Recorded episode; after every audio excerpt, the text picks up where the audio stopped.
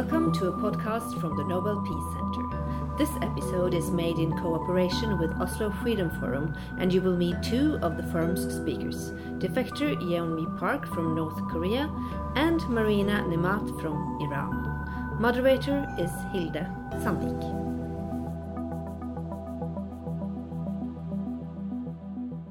Hilde Sandvik, and I'm an editor at Broen XYZ, which is a Nordic media company. But I'm now sitting here, and I'm really looking forward to the next hour. Uh, perhaps you want to just tell a little bit of your story. Um, so my name is Marina Nemat, and um, I was born in 1965 in Tehran, Iran. I'm 53 years old, and uh, I was 13 when the Islamic Revolution happened. Now, during the time of the Shah, uh, when I was growing up, between 1965 when I was born and 1979, um, I, am a Christian, and there are Christians in Iran. I was born to a Christian family, and we lived in downtown Tehran. My dad was a ballroom dancing instructor. My mother had a beauty salon. And I grew up between the sounds of the cha-cha and the tango and women with really big foofy hair. I was madly in love with Donny Osmond. I used to l- uh, love to dance in my uh, green polka dot bikini on the beach uh, to the tunes of the Bee Gees. They were my favorite band.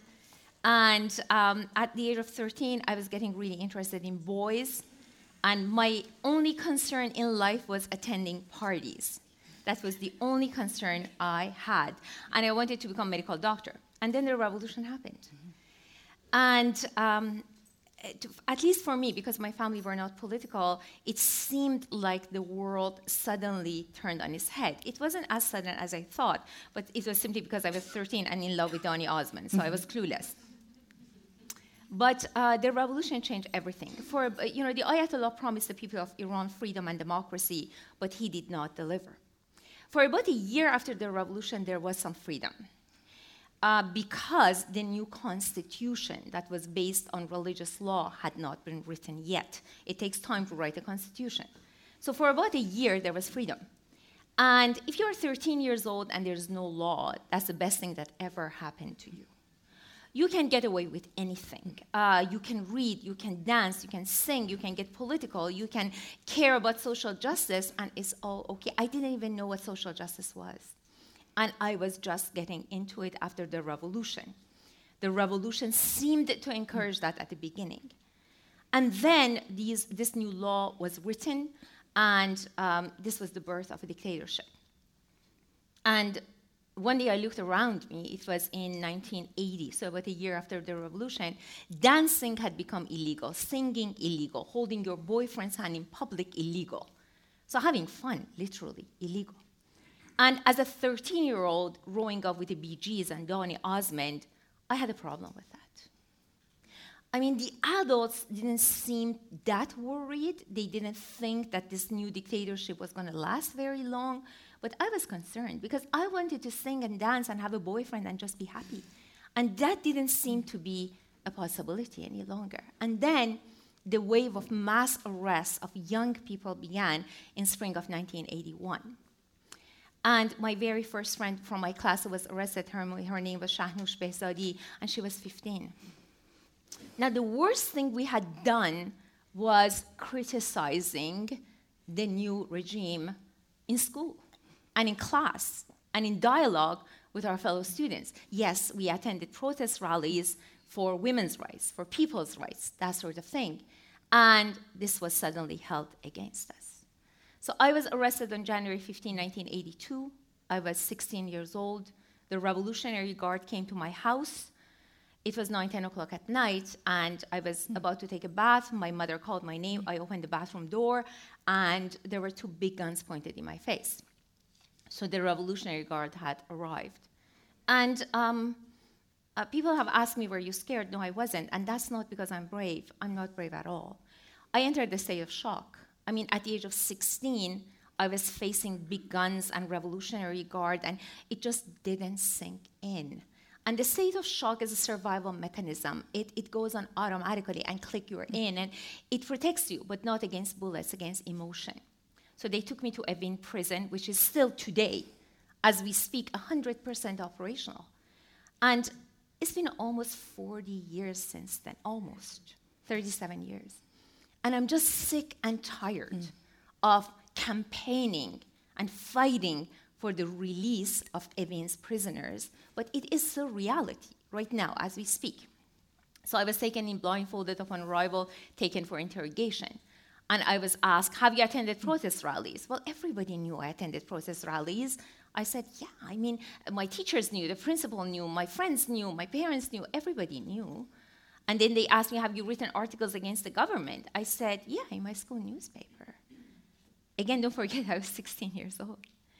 And um, they took me to another room. They, um, uh, they took off my blindfold. I was in a small room with two men, Ali and Hamid, and they um, um handcuffed me. When they handcuffed me, they saw I was 90 pounds. I was like probably smaller than Yeonmi is right now. Is this tiny girl, and uh, they, I, they saw that that my hands are going to slide out of the cuff. So they put both of my wrists together, and they put the two into one cuff. As, as it clicked, my right wrist cracked and the torture had not even begun. I mean, if the devil had appeared at that point and had said, Marina, sell me your soul, I will get you back onto your mother, I would have sold my soul with whipped cream and a cherry on top. I would have done anything, anything. And that scared me. Like, even as a 16 year old, I became aware that in this black hole of evil made by men, I will do anything to get out. And that was not an option. They tied me to the bare wooden bed. I was lying down on my stomach. They took off my socks and my shoes and they lashed the soles of my feet with a length of cable. It was about one inch thick. Think of a garden hose, but it is heavy rubber. And this is the most common method of torture in the Middle East. Why? Because your nerve ends are in your feet. So with every strike of the lash, your nervous system explodes and then is magically put back together, and you're wide awake for the next. And this is the kind of pain that kind of disassembles your brain. So I started to count. I think I got to five. I forgot what came after it. And then I started praying in my head I'm a Catholic, Hail Mary, full of grace. I forgot the words to it. Uh, it was as if this pain transformed me into something that was not human. And I didn't know that this was possible. And uh, you know, torture is used in more than 130 countries in the world, and I really want you to think about that. There are about 180 countries in the world. And those who torture, it doesn't matter if they're Iranian, if they're North Korean, or if they're American. It doesn't matter. They will tell you that torture is, is to get information because there are enemies of state out there. And the government is trying to protect us against the enemies of state, the enemies of God, the enemy. And this justifies torture because we need to get information out of them, and they lie. Torture is not to get information. I would have confessed I was Jesus Christ under torture. I would have confessed I was a CIA spy. They gave me documents to sign. Do you think I read them? You're in a torture room. They are beating you to a pulp. Do you think you're going to read the documents you sign? No, you don't. You sign them. They say you sign here, you do that. Torture has one purpose. And let me be very clear on that. Torture is designed to kill the human soul. When they succeed, they stop. They don't succeed, they will execute you. Torture is not to kill people. Sometimes they think, oh, they're trying to kill you. No, they want to kill you, they will shoot you, they will hang you. There are economical ways to kill people. They, they will give you a shovel. You dig a hole, you go lie down in it, another prisoner will be forced to put dirt on you. Torture is designed to kill the human soul. It's a long story. I don't want to get into mm-hmm. details. I, I was raped. Mm. I was raped on over and over and over again. And I was tortured physically, emotionally, psychologically, and it lasted about two years, two months, and 12 days. And then they decided, they decided that my soul was already dead. It was definitely in deep coma. And they opened the gates of the prison and they said, Okay, we are done with you. Now you can go. I went home, sat at the dinner table with my parents, and I watched in astonishment as they talked about the weather. Nobody wanted to talk about it. Not because my parents were bad people, no. And no, it has nothing to do with the culture of the region. No, this happens all the time. It happens all over the world. When a horror is committed under our watch, and don't, don't get me wrong, this is our watch. This is your watch, and it is mine. If we acknowledge that this horror has happened in Iran, in North Korea, in Venezuela, in Iraq, in Syria, in China, in Russia, in Congo. I mean, the list goes on and on and on. If we acknowledge, if we bear witness, and that's what I do and Yeonmi does, we bear witness. We acknowledge that these atrocities have been committed to us and under our watch. So we choose to acknowledge it because that is the first step in defeating evil. You need to go up to it, look at it straight in the eye, which is what we are, we little women, we try to do. We go and we look at evil straight in the eye and we see, we say, I see you, I acknowledge you, and I'm not afraid of you. And we say to it, over my dead body, we stand. And this is why we are here. This is why we do this. And we ask you, I think this is what we ask you at the end of because yeah, this is our watch, but it is yours. We ask you to join us. And you have talents, you have things you can do, you, there are things that you can contribute to this watch that we cannot. I mean, Yeonmi and I, we have our talents, but they're limited, right? So we ask you to join us because there is a way to defeat evil. Evil. There is a way to make the world a better place. Mm. Thank you. Thank you. And I have to mention as well that your story is, as probably a lot of you know, is written in this book, Tehran Prisoner. Prisoner of Tehran. Prisoner of Tehran, now translated into 27 languages 30 or even now. 30 now. Yeah, thank you. Yeonmi. Wow. How do I follow after this? You know, um, I'm, I'm really humbled to be able to be sitting next to you. It's, it's a real my honor. Um, I'm not that well spoken or articulate person. Oh, you are. you are. I beg differ. Relax, everyone. I will not scare you. Um, I'm, my name is Yeonmi Park. I'm 24 years old. Uh, how many of you actually have seen one of my speeches or YouTube videos? Oh, yay! Thank you for doing that. Um, I see your other hands that is not going up, so I will mention I will briefly mention what I gone through, and I want to open the floor for the question. So I want to be able to answer what you are curious at this moment regarding to North Korea or anything. Uh, I was born in 1993 in the northern part of North Korea. Uh, you know, North Korea is uh, the darkest place on earth. I mean, by mean this, like literally, if you see satellite photos, it is like a black hole they have the Earth Day every single day. So we, are, we really love environment there. so in the northern part of North Korea, I had one sister. I had real, like really loving parents. I really didn't know, like, like I did not know that my country was somehow abnormal. That I did not even know that I was living in an oppressed country. That I mean, if you know you're isolated, that means you are not really isolated. So I did not know that I was isolated. And as I always saying, like life in Miracle can happen because when I was in North Korea, unfortunately, I did not know what Norway was. I only knew a few countries in the world. This can maybe mean that I was an elite person in Pyongyang, was highly educated. I was in the countryside. So in my school, I did not like seeing the world map and learn about the geography. I wasn't able to even afford to go to school after like in three semesters in the elementary school.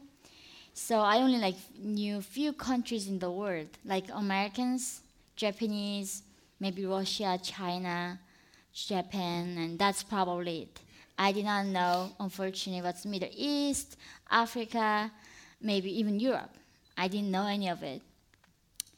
Uh, I had a mother, and the first thing she taught me, I still really remember clearly, because the first thing she taught me was that not to even whisper, because the birds and mice can hear me.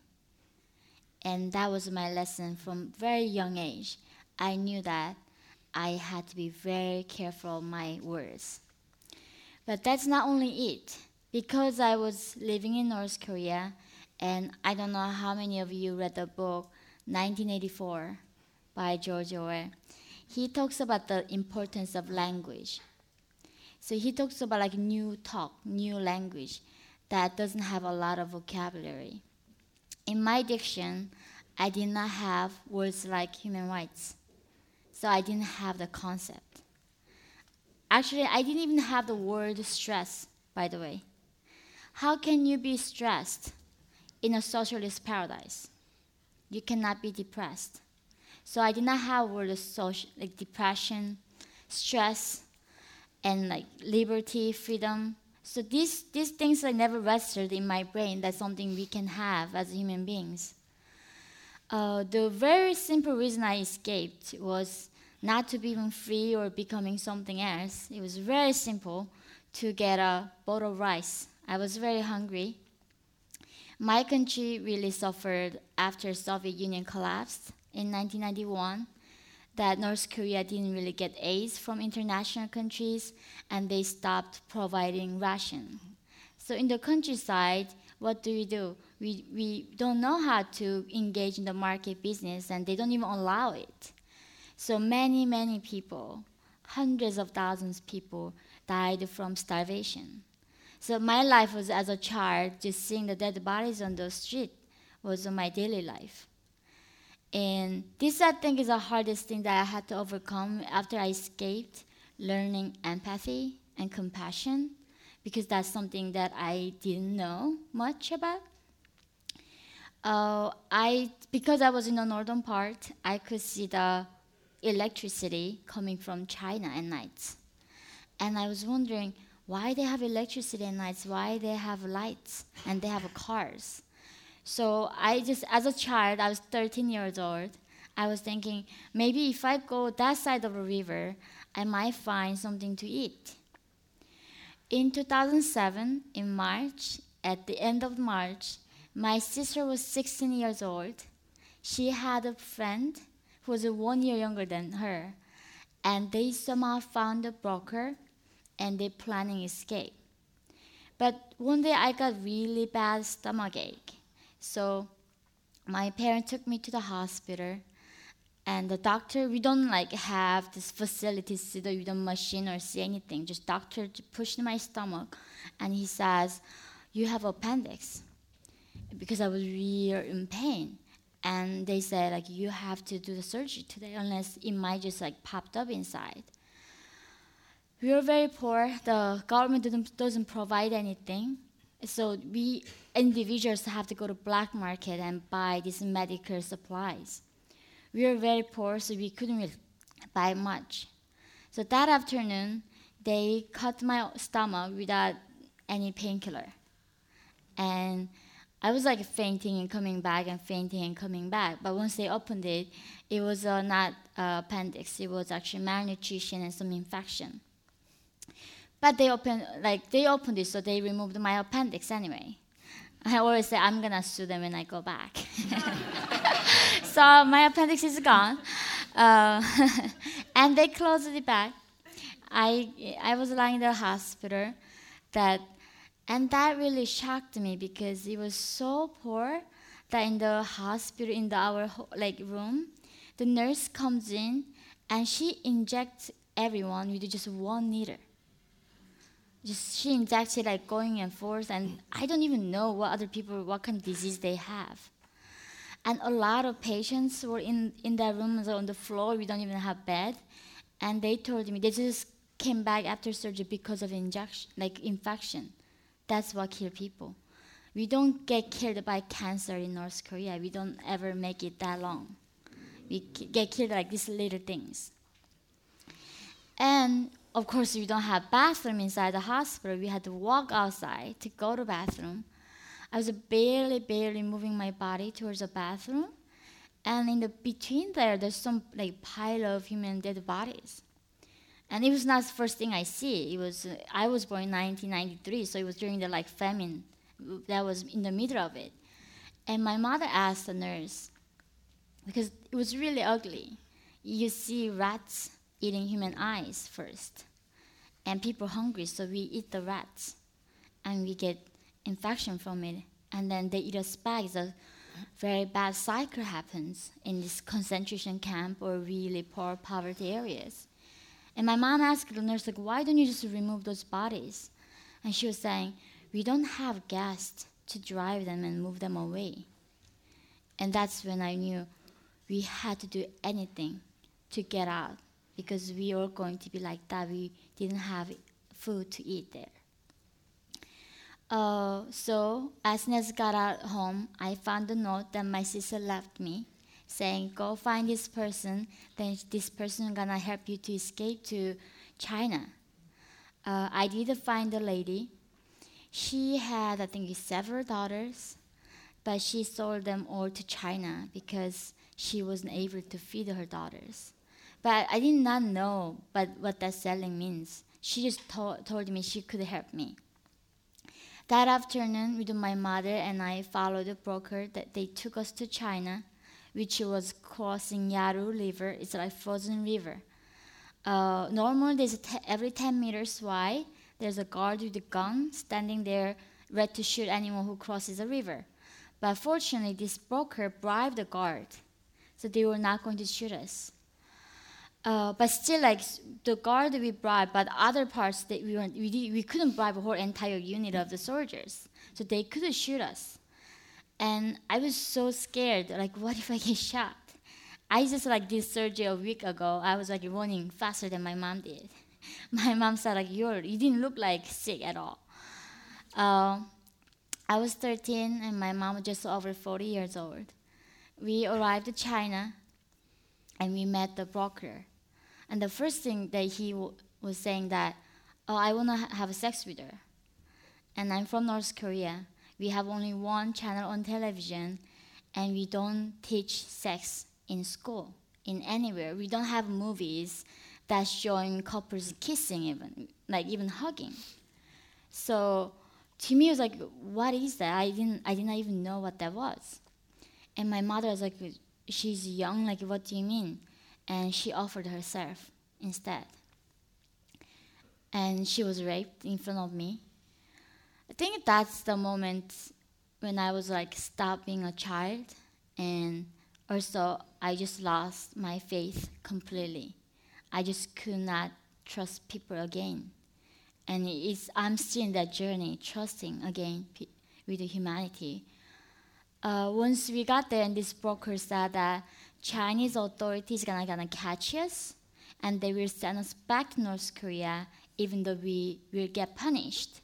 So basically, China violates this international refugee law that even though we are political refugees, China doesn't help us. They just send us back to North Korea and to be punished in that country. And the only option we have is being sold as bribes. You all know that China recently ended one child policy, and we know the consequences of it. They kept the boys, and they did not keep enough girls.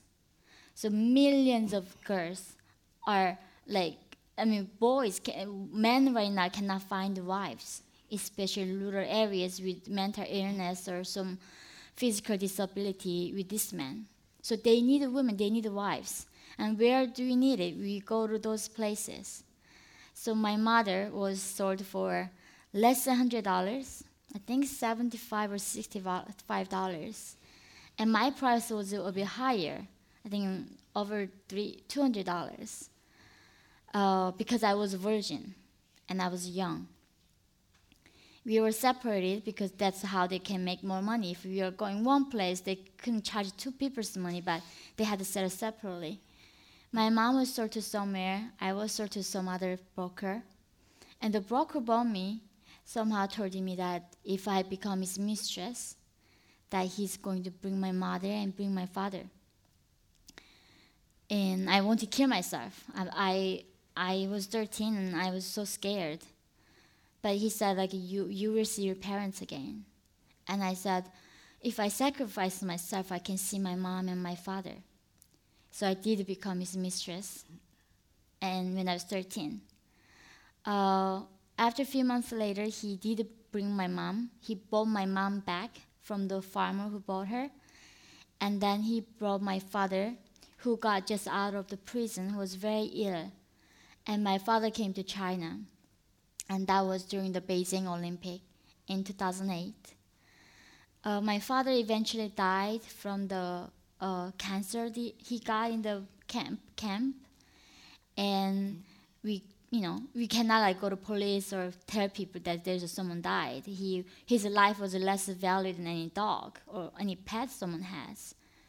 And I was, I had, I buried his ashes when I was 14. And then I did realize this is not how human beings should live. I have to do something about it. And that point, my mom actually luckily met another North Korean defector in China. And that woman told, like, told me that if you go to South Korea, you will be free. And that was the very first time I heard the word free. And I did not know what that meant even. So like, what do you mean I will be free?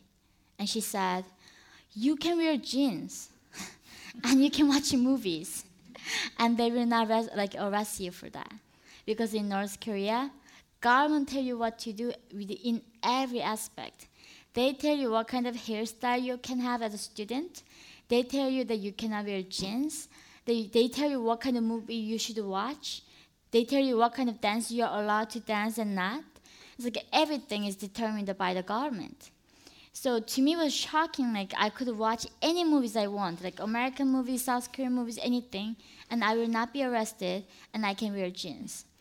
So that's it. Like when I was 15, I'm gonna risk my life for that. it was really reckless of me. uh, with a, but to do this is a very irony of another side was that missionaries were helping us from South Korea these missionaries wanted to bring Christianity to North Korea. So they tell us about God, Jesus Christ. And in North Korea, we don't have religion, freedom of religion. So I don't even what's Catholic. I don't even what's Buddhism. I don't know what's Christianity. I have not, no idea even, I didn't even hear the word God before. And they told me, if you accept God as your like savior, I will help you to go to South Korea. I thought it's like, why I have to keep believing something so I can survive? It's like why just people want me to believe? And another like defector lady is like, honey, don't just worry about it. Think about God and the Jesus. You plug into Kim Il Sung and Kim Jong Il. And that like made perfect sense to me. Yes, God loved us so much, He gave us His Son. His soul never dies with us forever.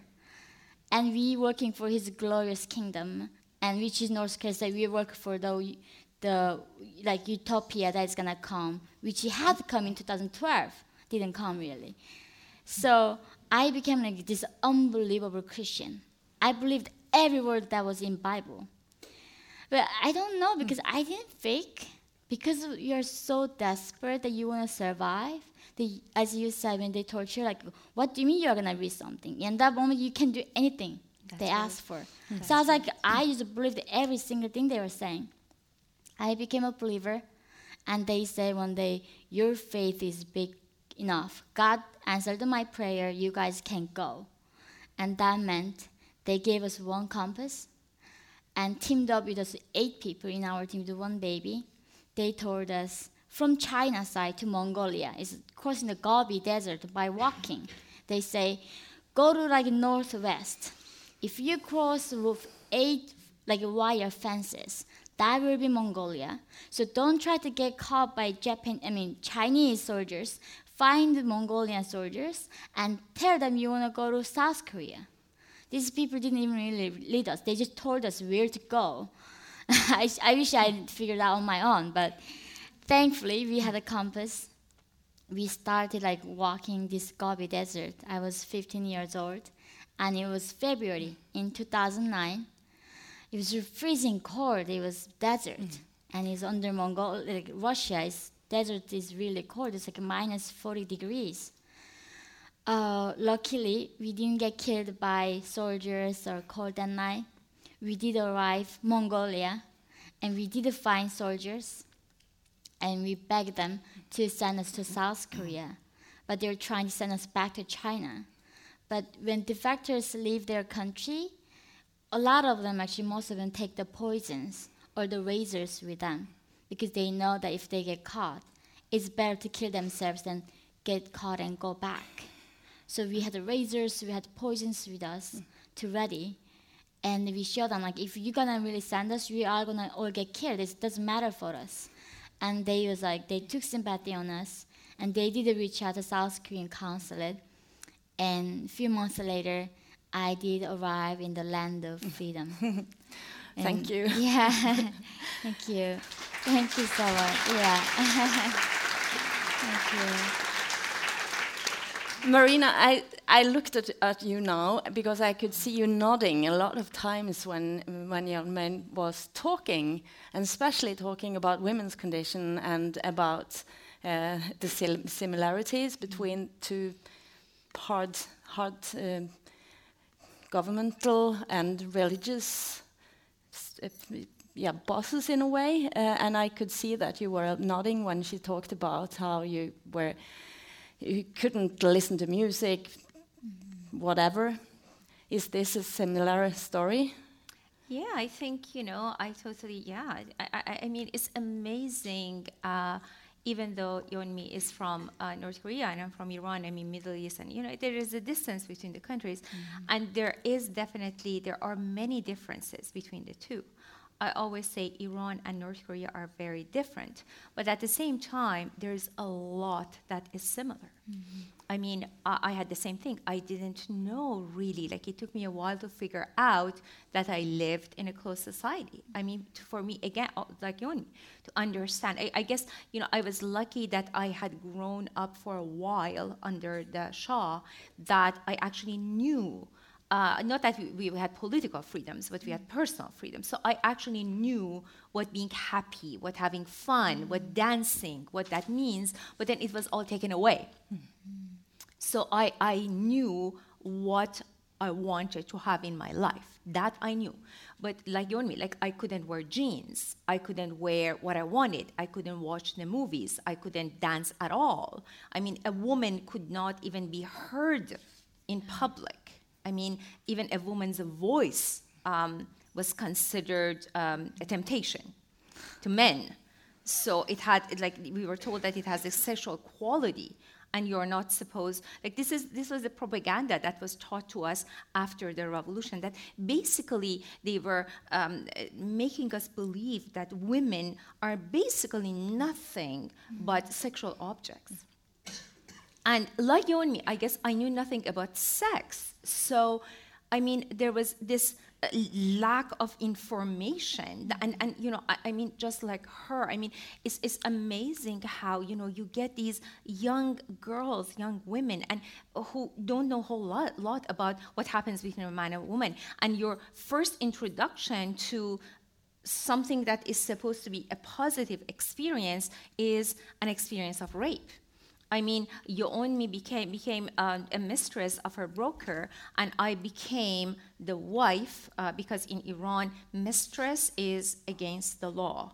So you need a Sharia judge to say a few words to officially marry you, and this can be temporary. So they can marry you off to someone for an hour. So this makes it legal. So it is temporary marriage. It's called sigheh uh, in Iran, and it's completely legal. So a girl as young as nine could be married to a man who's 60 for an hour. And for that duration, that man can do whatever he wants to the girl, and he has no responsibility. So even if the girl gets pregnant, there's mm-hmm. no responsibility whatsoever. So the girls who are in prison, I mean, now we have the Me Too movement. Mm-hmm. And, you know, I would think if you're in Hollywood, we know that women are faced, even in Hollywood. I mean, these are women who make like a huge sum of money. They're educated. They're beautiful. They can wear what they want. But imagine, like in countries like North Korea, in countries like Iran, in countries like Syria, in Saudi Arabia, imagine what kind of horror these men can get away with. I basically became, uh, yeah, like Yeonmi, we both became the property of these men. And honestly, like the, the guard that I was forced to marry, he also, you know, he, he did this and then he said, you know what, I'm going to keep you safe. So basically, he didn't let my egg, because I had been condemned to death. So he kept me alive, but at a price. And that price was being this um, sexual object. So it's amazing uh, how much we have in common. I mean, there are differences for sure, but I mean, the, the suffering, I mean, we should not forget you know, I, I, think, you know, with the Me Too movement has done a lot of good. I think it has brought awareness. Mm-hmm. But what we should not forget is the, the, the un, unimaginable, like here in the West, the unimaginable conditions. Like we, we have been hearing about the Yazidi women you know, that sect in, in, um, in, in, Iraq, that they were kidnapped by, by Daesh, and, you know, they, they, turned into, they were turned into sex slaves. I mean, we, we have to remember, or the Nigerian girls who were abducted. I mean, this kind of thing happens. And the amazing part of it is that when people like us, I mean, I know that when my first book came out, people had difficulty believing it. Yeah. Like they would say, How can that happen? Like, how can a man do that to a woman and yet so easily get away with it? Like, how can that be legal? How can that be allowed in a society? And I think it is very important for us to face the reality of this. And I think it makes us feel uncomfortable. It makes us feel bad. But maybe that's the whole point. Maybe if we feel bad enough, then we are going to do something about it. I mean, the rights of women in these regions are you know, if you want to measure uh, the rights of women from zero to 10, I would give it minus 10. Mm-hmm. I mean, it doesn't even fit on that scale of zero to 10. You have to go way under to even understand. And, you know, to rape a mother in front of the daughter or a daughter in front of a mother. I mean, this is sexual violence as a tool of um, uh, torture as control. But what is happening now, because this is 40 years ago, and now we see some signs of a women's movement in Iran. For instance, women removing their hijabs. How is the condition of being women activists in your countries? How is it in North Korea, for instance? Are there women, move, women movement, women rights movements at all? Mm. It's really thank you for the question. It's it's really interesting because um, I, I, remember when I was in South Korea, I was one day I was watching uh, TV and it was a big some campaign like some celebrities are singing and it's like looks like really big thing and turns out this campaign was a fundraising for animals' rights, the shelters and the dog and like lots of other animals. I was like shocked, like, what animal has rights? I'm like, I did not know I had rights as a human being. Like, what do you mean animals have rights? So that's the mm. answer is that I did not know what the women's mm. rights meant even. That is not even a part of or even daily conversation. Anyone like aware that we don't really have that in the society? Like the existence of your being in North Korea mm. is being a revolutionary for the for the party. I, I, I said like I was a child to go to school, but the teacher said like pack your like working clothes with you. So I was eight, nine, seven, even though I was eight years old. I study the revolution of our dear leader in the morning and afternoon. I carry rocks, mm-hmm. and if there's a flood, they, we said we are free laborers. There's no concept of like minor, or maybe no concept of women or elder. It's just we all like revolutionaries. So it's really far, even, it's not like people even aware that they have these rights mm. and they have the demand. So North Korea is far mm. away from that, where we are today. Well, I guess in Iran, that's one of the differences. In Iran, Iran, um, when it comes to information, it is not closed like North Korea. In Iran, people have cell phones. Mm-hmm. People have mm-hmm. usually not always access to the internet. I mean, the government definitely tries to censor, mm-hmm. to control what people can and cannot access uh, online. You know, think like China. You know, in China, people do have access to information, but it is extremely censored and limited. So it's the same thing in Iran. In Iran, women are getting educated. I mean, women are going to university. Actually, more women are graduating from university than men are. But I'm going to give you an example. A friend of mine is um, like this expert in genetics, and she is like, I can't even pronounce what she does because it's really complicated. And she was into an arranged marriage. I mean, because that's the way things are done. Her family are traditional, they're educated, but they're traditional. And she was married off.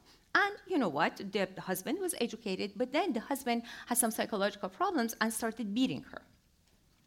So she went to the Sharia judge and she, she said, You know what? My husband is beating me, and I don't like that. So I want a divorce. And the Sharia judge looked at her and said, Well, you know, you are educated, you have a job. So maybe if you're a proper wife and if you stay at home, your husband wouldn't have to beat you. So be a better wife, and that's not going to happen. So, you know, in Iran, even though women have access to, people have access to information and they are being educated, yet the government has so much power over their lives that that information and that education basically becomes useless in a sense. I mean, it's good to have the knowledge, but there's not much you can do with that knowledge. Yes, there are women's movements in Iran, but the thing we don't see, like we see these women uh, removing their headscarves, you know, in, in the square and saying, you know, I want my rights and this and that. But do we know what happens to these women after they do that? They do are you? arrested. Yes, they are arrested. They are tortured. They are raped, and sometimes they are killed. And again, don't forget what torture is, is for. It is to kill the human soul. So they kill their soul. They emotionally and psychologically, and sometimes physically, destroy them, and then they spit them out.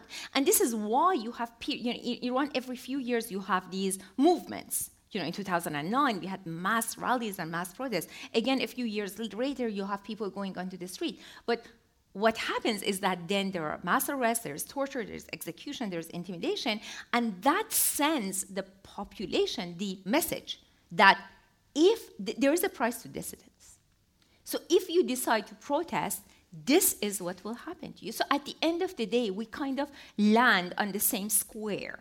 That whether you know you're in North Korea and you don't know and you don't protest and you don't have access to info, or in Iran, you know you have access to information, you protest, we both land in the same spot. The oppression continues, the dictatorship continues, and the suffering continues. I recently spoke to an, uh, an author living in exile from Iran, and she said the next revolution will be female. She said. Uh, I certainly hope so. You know, I, I think something we need to remember every dictatorship falls. That I know. Will it happen next year? Will, will it happen 10 years right now or 50 years from now? That I don't know. And in this process of now till then, whenever that day is, which that day will come, how many people will die? How many people will die of starvation, of torture, of a million other things as a result of oppression? That I do not know. Now, I know that these governments, like North Korea and Iran, they try to destroy dissidents. Now, there's always somebody they, they miss. So they try and they try and they try, but somebody down there survives. And at the right place, at the right time, that person will lead. Now, I certainly hope that that person is a woman, because definitely women, uh, I can say, according to Iranian law, a woman's, for example, testimony is worth half of a man's. So we have lost much more that men have, and I can only hope that this is true, and that Iran is will be ready one day. The day is not today, but will be ready one day for a female leader. That would be marvelous. There is a common denominator here, and of course, it's Trump. And what do you think about what is happening now? And do you have any sort of hope in this meeting on the 12th of June, or what do you think? Is it off the record? Uh, it's off the record. No, No one here is listening. right. really, honestly, I mean, we can all agree that he's offensive and all these whole comments about women, everything. I certainly do not think he's the greatest man alive today. Hmm. but I honestly, when it comes to North Korea, I don't care about his other like tax reforms or all other policy, immigration policy, anything. Just talk about isolate everything in North Korea.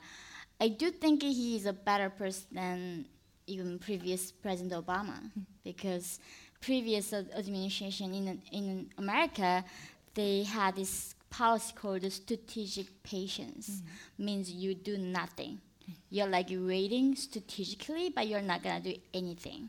So, um, Kim Jong Un, as he's like unpredictable as Trump is, mm-hmm. so we got the right man for the right time. They're both so, very into PR and have watched the movies, and it's uh, almost watching a reality show. Yeah. I mean, listening to them. But it's better than the people who act normal, but they mm. don't have any courage or any guts to stand mm. up and do nothing. Mm. So I prefer right now. Mm. At least Trump is trying to do something. Mm. He's at least like say Kim Jong Un is in a rocket man mm. when he does something crazy. Mm. so you know this is a great momentum. But I think when it, with this summit, I do really believe that North Korea is not gonna give up the weapon right now. I mean, if they built on something for 70 years, out of nowhere one day they're gonna just give it up. Mm. I mean that's just that's our like idea hmm. dream. Mm. So what I am hoping now for the Trump is that he also I think the approach they're having is also wrong. Is that they are saying, "Oh, this is a politics. We cannot talk about everything mm. at the hmm. moment. So for now, we are going to start off the nuclear weapon. Mm. I mean, that is something that North Korea is really talk about that we do care about here too. But I was wondering, what can be more urgent than the lives of people in the concentration camp? Think about like Nazi Germany is like a Holocaust. People in the concentration camp. What if we went in there like one day later? Mm. How many people died? Mm. So I think this is not the time to bring up the like nuclear weapon. Mm. This is time to talk about this concentration camp, mm. the people in prison who can who might die tomorrow if we don't go in today. Mm. And that is also one of the reasons why human rights organizations have mm. now they wrote 400 wrote a letter yeah. in April to, to ask to, to bring this into the conversation. This is the agenda, yeah. right? Yeah. This is what Trump needs to go to Singapore on the 12th of mm. June and talk to Kim Jong Un that this is urgent mm. on top of everything. So we can talk. Nuclear weapons is not gonna go away somewhere. We can remove the 10 years later. But the lives and the people in the concentration camp, they are not going to wait for us mm-hmm. to come in 20 years. So I think that's what I am so sad about. That for these politicians, they don't view us as, as like people because for them we are like a number. I this still gets me when I escaped to China, I mean South Korea, and even America. I tell people like I'm from North Korea. They in the beginning they are thinking I'm joking. Like in America, in my class one day, we introduced ourselves, and they said like I'm from here, here. I said like I'm from North Korea, and everyone thought I was from North Carolina. So like later, said, hey, so you're from North Carolina? I was like, no, I'm from North Korea. And this girl was like, what? oh my God, you look just like me. I was like, yeah, I look just like you. I think that's what we are forgetting. If we, our imagination ever be that level that we understand the people in China right now, girls like being sold, they are just like you. And in me, you cannot be just sitting here. And yeah, Trump is doing the right thing talking about the nuclear weapon because this is important. We are going to talk about human lives because they are us they are like us. We share humanity.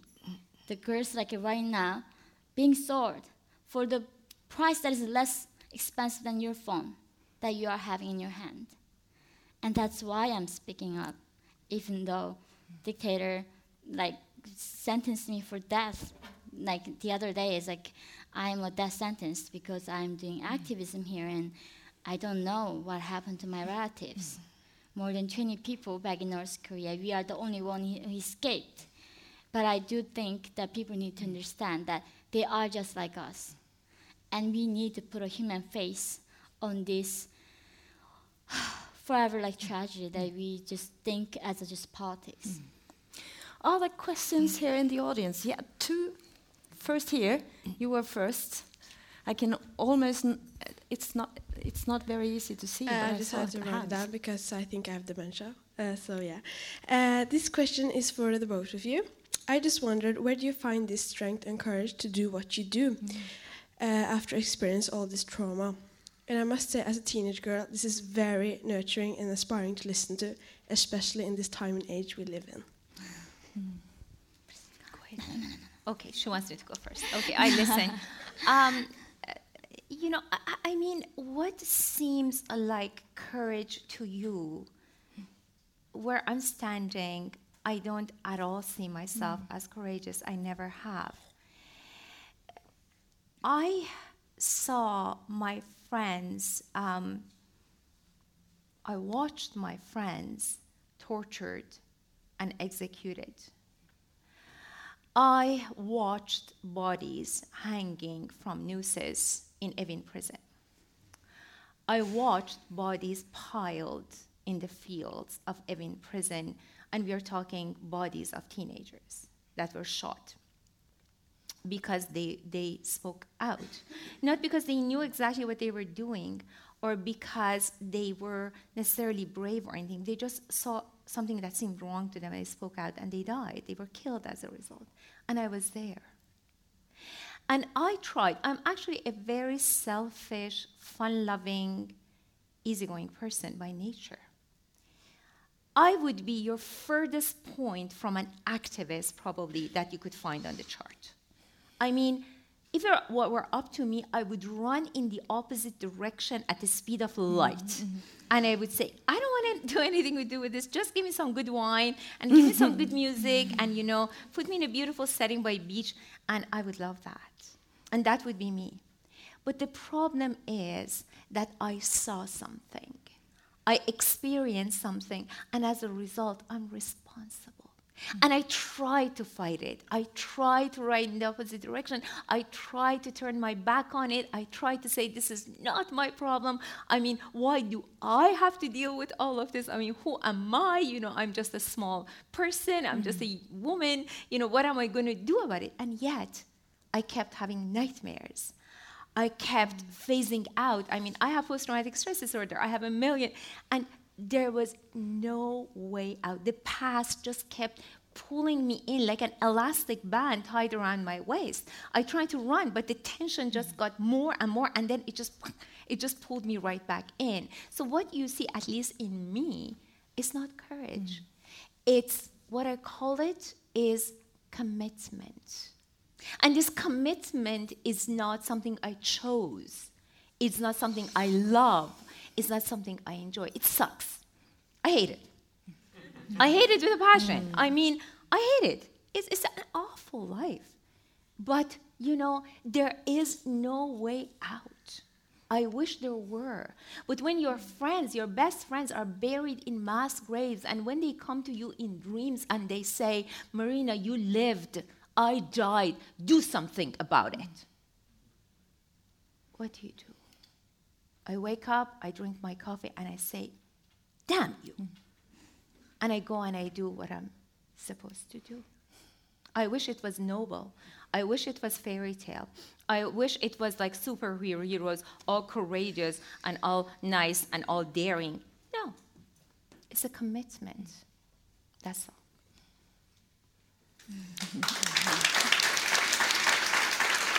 Wow.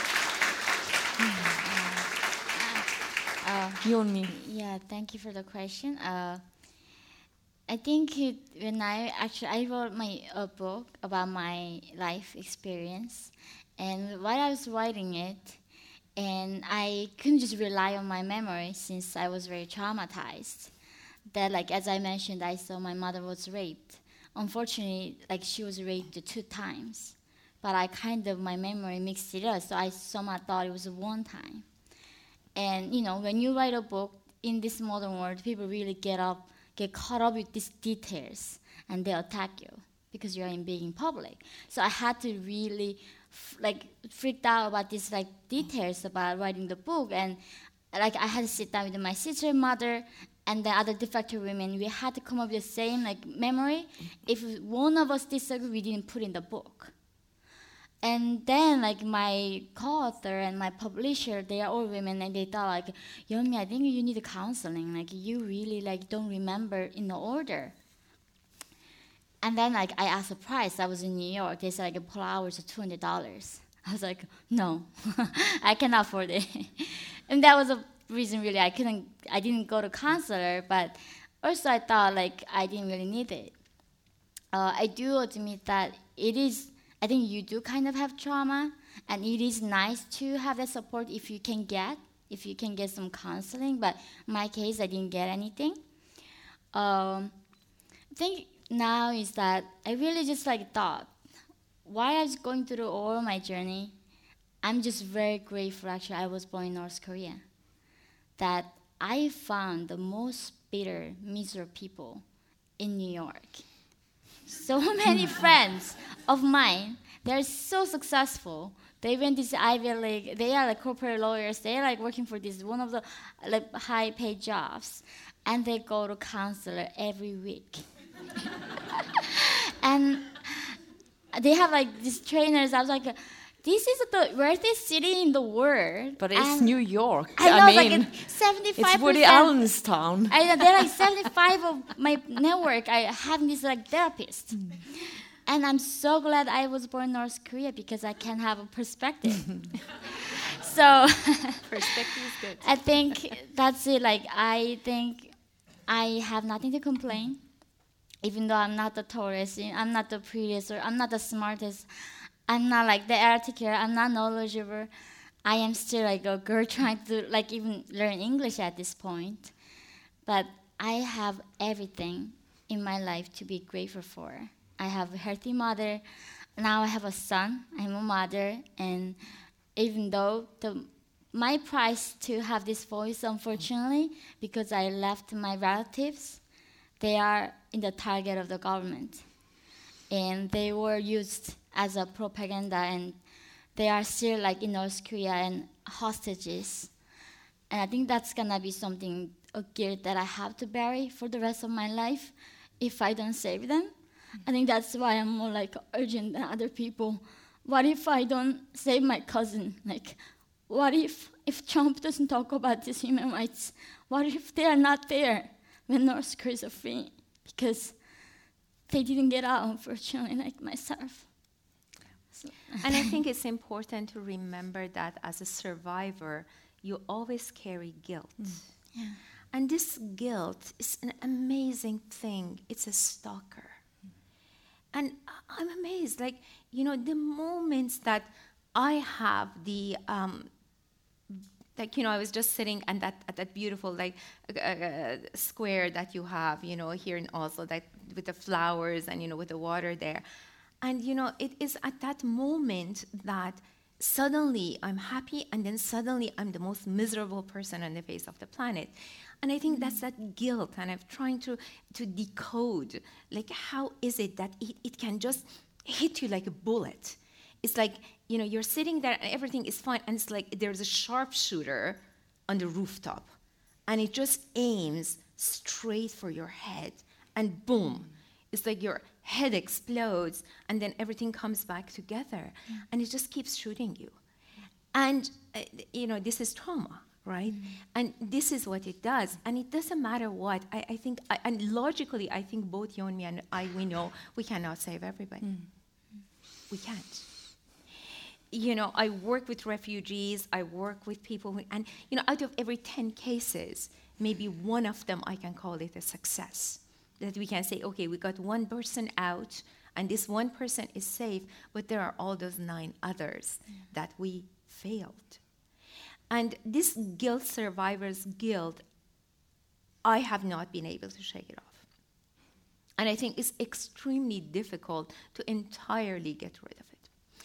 But what I have learned to do is, I think what Yeonmi said about perspective is what it is. You know, I try to, to keep my logic and my perspective that out of 10 people when you can save one. That is one life, that is one human being. That's a person who is going to have children and grandchildren and move on into this beautiful circle of life.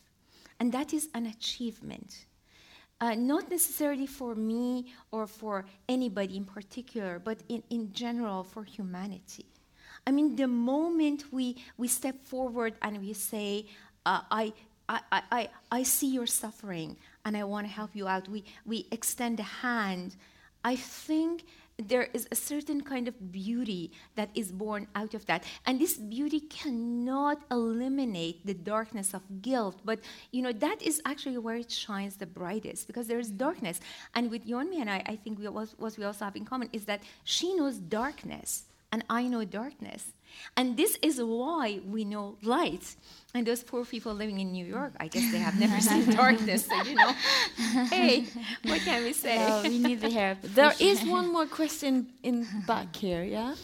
Yeah. Thank you both for being here. Really honored to be under the same roof as you guys. and thanks for telling your story. Um, I guess I'm curious what you both are going to do next and also how we can help. Oh. You want to go first? Yeah, I think. Uh, thank you for your question. To the first thing that what I'm gonna do is that I think I thought about like many many things and like uh, people like told me, oh, you're the spokesperson, you have to do that, you do that, and I just became a mother like three months ago, and it really puts everything in perspective again. I think all I wanna be is just uh, like be a good person and happy person for my son. I just I have no ambition anymore. Like I just want to be have a healthy family and just be a good person who I can just be loving to my son. That's my personal goal of my life. Is gonna I try to be that person. And also how you can do about North Korea is that there are NGOs. You can there is something you can do. I think this is the thing people usually don't get is like, oh bad, North Korea is terrible, but there's nothing I can do about it. But there is something you can do mm-hmm. about it. There are NGOs right now, they go underground to rescue defectors who escaped to China like myself did. They bring them to America, to I mean, like to UK, to, to South Korea. And I think, I'm not sure if Ji Sung-ho, the, over there, he is uh, he, he's also from North Korea, my fellow defector. He has this network underground in China, and he rescue lives. It's like during the Nazi Germany, if you have something like two thousand dollars, I think you can get one person life. You can get another like a person next to me right now speaking to you, and that is a very tangible change you can make today. And the other organization is the Human Rights Foundation that brought us together here. That they actually do something so revolutionizing. As I said, people in North Korea they don't know they have rights. They don't know they are slaves. People say like, why people in North Korea do not do nothing? Are they stupid? Like why are they being so abused yet like no action there? I'm saying like, so if you don't know you are slave, then how do you fight? So it's extremely important for us that we let them know they are slaves, they are oppressed, they are isolated, they can be like us, that Americans are not bastards. So, Human Rights Foundation has this program sending flash drives that this like the YouTube like USB sticks contain information about the free world and sending it through China, smuggling into the black market, and people risking their lives and seeing these movies and these videos, and they learn about the rest of the world. And you can donate via a flash drive. Right, so you don't mm. have to have mm. money to do anything. Mm. If you have just like a useless USB thumb drive in your like some anywhere, you can just send it to them, or you can tell your friends that you should be involved. Mm-hmm. Like, are you a technologist? You should be involved. You should volunteer your time. And if you're actually a student, you can go to your school. You can do fundraising. I'm sure if you can fundraising a month, you can come up with two thousand dollars. Then you can save one North skin defector from China through Jisung right there. So please go to him or mm-hmm. go to HRF, other staff members, and please get involved mm-hmm. because we need you to save these people. Marina. What's um, you? You know what? I'm at, at a different stage in life than Yeonmi is. You know, as you have noticed, I'm a little older. so my children are now 25 and 29, and they're both boys, and they have their own lives now. The thing is that I, I have to tell you that a trauma, post-traumatic stress disorder, does some uh, very awful things to people. And something that I have always said, and you know, it's difficult to, to, to verbalize it, but it is the truth. Mm. And I want you to know that as, as someone who's experienced that sort of thing, uh, what post traumatic stress does is that we are not capable of um, feeling emotions the same way normal people do. I have never loved my children. I have never loved my husband, even though he's a fantastic man. I'm just incapable of it. So I cannot produce those emotions. And this is fine. So the only thing I can, uh, it's not even a feeling, it's more like a logical thing, is commitment. As I said, that's the only word that can explain it. I'm committed. So, uh, and I ask you to find your own commitments. And, you know, again, I'm at a different stage in my life. So, um, you know, Yeonmi needs to raise her family, and I have already done that. So my family is already basically raised, and, you know, I have done my duties as a mother and I have tried to be a good one. Not emotionally, I'm incapable of it, but logically, I'm pretty capable. So I have done that. Now, I work with uh, refugees, and I work with refugees in Canada in various capacities and um, from all over the world. So I have worked with North Korean refugees. I have worked with Turkish, Iranian, I mean Eritrean, uh, from Venezuela, I mean Chinese, all, all, sorts of refugees. And with various organizations like with PEN and with Amnesty and with Canadian Center for Victims of Torture. And actually, my Norwegian colleague is here, Anne Christine, and we have an NGO, and it is called the Vigdis Freedom Foundation.